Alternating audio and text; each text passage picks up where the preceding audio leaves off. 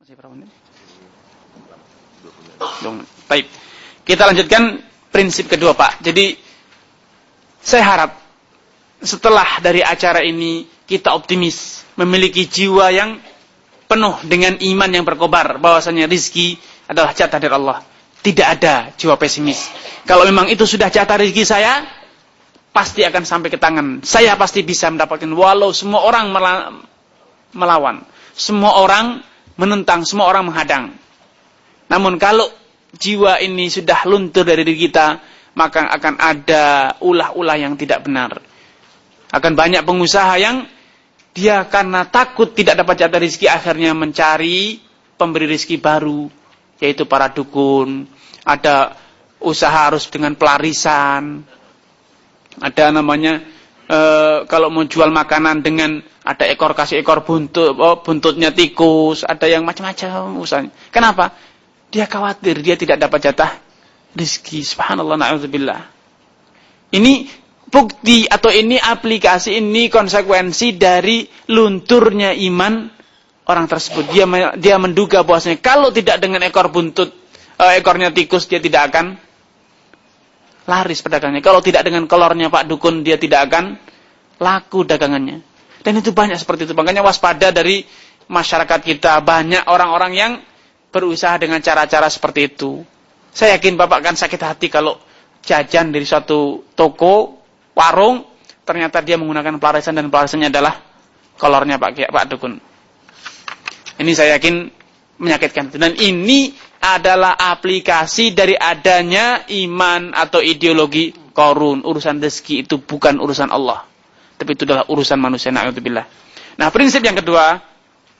Sungguhnya dalam syariat Allah Subhanahu wa taala itu telah memberikan kelapangan, membuka pintu selebar-lebarnya bagi orang yang ingin usaha. Karena digariskan satu kaidah hukum asal perniagaan itu adalah halal. Silahkan jual apa saja, produk apa saja. Sampai nanti kita ketahui apa saja yang akan menjadikan suatu pernikahan itu haram. Hanya ada delapan, Pak. Saya sarikan hanya delapan. Kalau delapan ini sudah tidak ada, silahkan usaha apa saja bisnis apa saja. Semuanya halal. Dan ini bukti kemurahan Allah Subhanahu wa taala. Kalau di negeri kita, di negeri mana pun, orang mau buka usaha, pertama kali yang dicari adalah siupnya. Surat izin Kalau tidak, dia nanti kalau udah besar pasti akan sengsara. Dia ngurus siup setelah usahanya besar, pasti dia menjadi sapi perah. Diperah terus. Agar tidak diperah, dia mengurus surat usahanya dari mana? Sejak awal. Kalau dalam syariat, tidak usah diurus surat usahanya. Jalan. Karena hukum asal itu adalah halal. Jadi tidak usah, saya mau usaha nih. Bagaimana? Ya halal insya Allah. Kecuali yang ada delapan hal ini. Apal delapan hal ini insya Allah, usaha Bapak halal. Ini cerminan betapa lapangnya rizki Allah subhanahu wa ta'ala. Karena Allah mengatakan, wa halallahu al-bai'a wa harrama riba Allah itu menghalalkan jual beli dan mengharamkan riba. Nah, sekarang kita akan mulai masuk pada dunia usaha praktis. Kita mulai betul-betul kita sekarang mau jual beli, kita mau sewa dan lainnya. Kita mengenal apa bentuk-bentuk usaha dalam syariat, bentuk-bentuk transaksi dalam syariat. E, sebetulnya para ahli fikih telah menyebutkan banyak jenis-jenis transaksi dalam syariat. Namun saya ringkaskan saya akan mengajak saudara, bapak dan ibu sekalian meninjau dari tiga sudut pandang saja. Itu tinjau dari tujuan, kemudian yang kedua dari karakter transaksi atau akad, dan yang ketiga adalah dari konsekuensinya. Kita mulai dari tujuannya, Pak. Ditinjau dari tujuan akad, maka dalam Islam itu akad terbagi menjadi tiga. Komersial, sosial, dan jaminan. Mungkin uh, dalam teori ekonomi dijelaskan bahwa apa saja yang bisa mendatangkan keuntungan sehingga mereka dengan modal sekecil-kecilnya kalau bisa mendatangkan keuntung keuntungan sebesar-besarnya dan keuntungan dalam tanda kutip adalah keuntungan materi. Itu dalam teori ekonomi seperti itu. Nah, di dalam syariat ada dua jenis yang komersial dan sosial ini memiliki karakter yang berbeda, Pak, tujuan yang berbeda.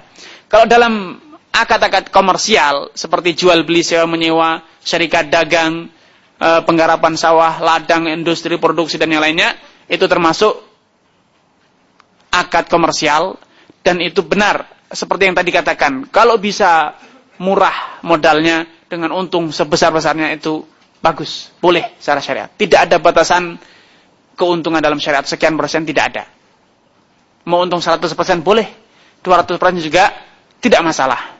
Asal bisa dengan cara-cara yang baik.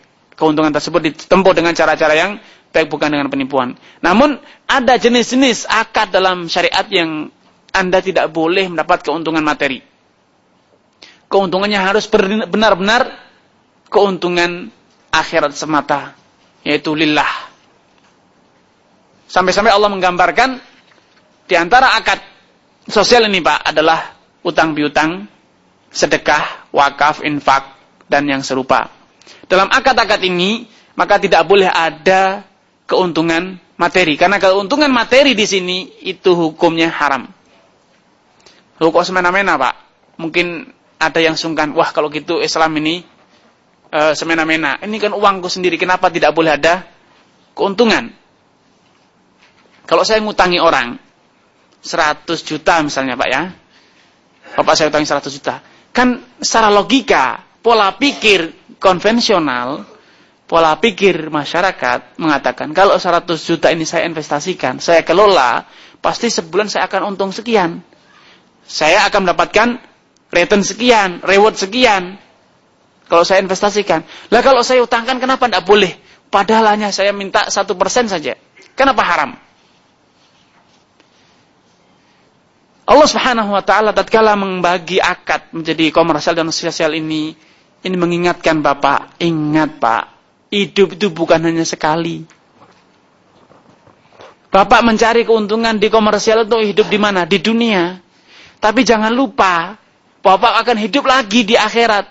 Maka ada harus keuntungan yang bersifat ukhrawi, yaitu keuntungan sosial, keuntungan pahala dari Allah Subhanahu wa taala. Jadi Bapak ini secara, secara dalam Islam itu dipaksa kalau boleh dibilang, dipaksa harus masuk surga. Dan itu bukan hal yang aneh. Bapak kalau tidak mau masuk surga dengan tidak sadar, dengan tidak suka rela, banyak bersedekah, banyak berinfak, maka kalau berhutang, memberi piutang, maka Bapak dipaksa untuk tidak memungut keuntungan. Agar apa? Agar Bapak masuk surga. Kan Allah Subhanahu wa taala telah menyabdakan Pak, dalam hadis qudsi Pak. Uh, Rasulullah mengatakan ajiba rabbukum Rasulullah mengatakan ajiba rabbukum Allah Subhanahu wa taala itu merasa kagum, merasa heran. Tidak ada di slide Pak itu, Pak. Tidak. Oh, ya. Ajiba rabbukum Allah Subhanahu wa taala itu merasa heran, merasa takjub min qaumin yadkhulunal jannata bisalasil dari sebagian orang yang masuk surga itu dalam keadaan dirantai, Pak. Sini masuk surganya di Nah inilah dalam akad. Tolong kembali Pak, kembali yang tadi akad sosial. Ke atas, ke atas, ke atas. Ke atas Pak. Bapak semakin ke bawah itu. Ke atas, ya. Dalam akad sosial, Bapak diharuskan untuk masuk surga. Dan tidak boleh mendapat keuntungan sedikit pun untuk dunia. Makanya kalau memberi utang, maka bapak dari perutangan ini, ini adalah ladang untuk masuk surga. Kalau bapak tidak mau, bapak dipaksa. Masuk surga kok dipaksa. Jadi bapak memberi hutang itu adalah ini ladang bapak untuk masuk surga. Tapi kalau bapak tidak, saya tidak mau masuk surga, saya mau masuk neraka saja. Makanya ngutangi tapi dapat untung. Maka Allah paksa, tidak boleh haram hukumnya. Kalau masih nekat sudah haram nekat juga, maka apa boleh buat bapak milih neraka ya silahkan. Namun kalau bagi orang yang gerundel, wong duit sendiri kok tidak boleh untung, tapi tetap tidak mengentuk riba, maka itulah termasuk orang yang yadkhulunal jannata hasil kasihan sekali masuk surga harus di borgol. Kan lebih enak masuk surga dengan lenggang kangkung, Pak. Tapi apa boleh buat kalau Bapak harus di borgol walaupun sehingga gerundel di hati, wong diutangi 100 juta, kalau saya investasikan saya pasti untung sekian sekian. Demi ini apa boleh buat syariat ini tidak toleransi ya wis apa boleh pilih. Apa boleh kata. Nah ini kalau seperti ini adalah termasuk orang-orang yang biinillah masuk surga dengan diborgol. Bapak mau? Kasihan sekali temannya lewat. Loh, masuk surga kok diborgol mas? Katanya, iya dulu terpaksa nerimo katanya. Kan kasihan pak, ndak enak banget masuk surga diborgol. Nah ini, kenapa harus ada akad sosial? Yaitu karena Pak di sini, Bapak tidak boleh lupa, ingat, Bapak hidup di akhirat. Kemudian Pak, ada poin kedua ini ditinjau dari sisi uh, ekonomisnya. Kalau Bapak tadi katakan, kalau saya investasikan, saya akan dapat keuntungan sekian, sekian. Kalau saya buat dagang, jual beli, pasti saya akan dapat keuntungan setiap 100 jutanya misalnya 7% atau 10%, 10 juta saya untung. Namun ingat Pak, dunia usaha itu tidak secerah seperti yang Bapak bayangkan. Dunia usaha itu mengenal suami istri yang tidak pernah bercerai, untung dan rugi.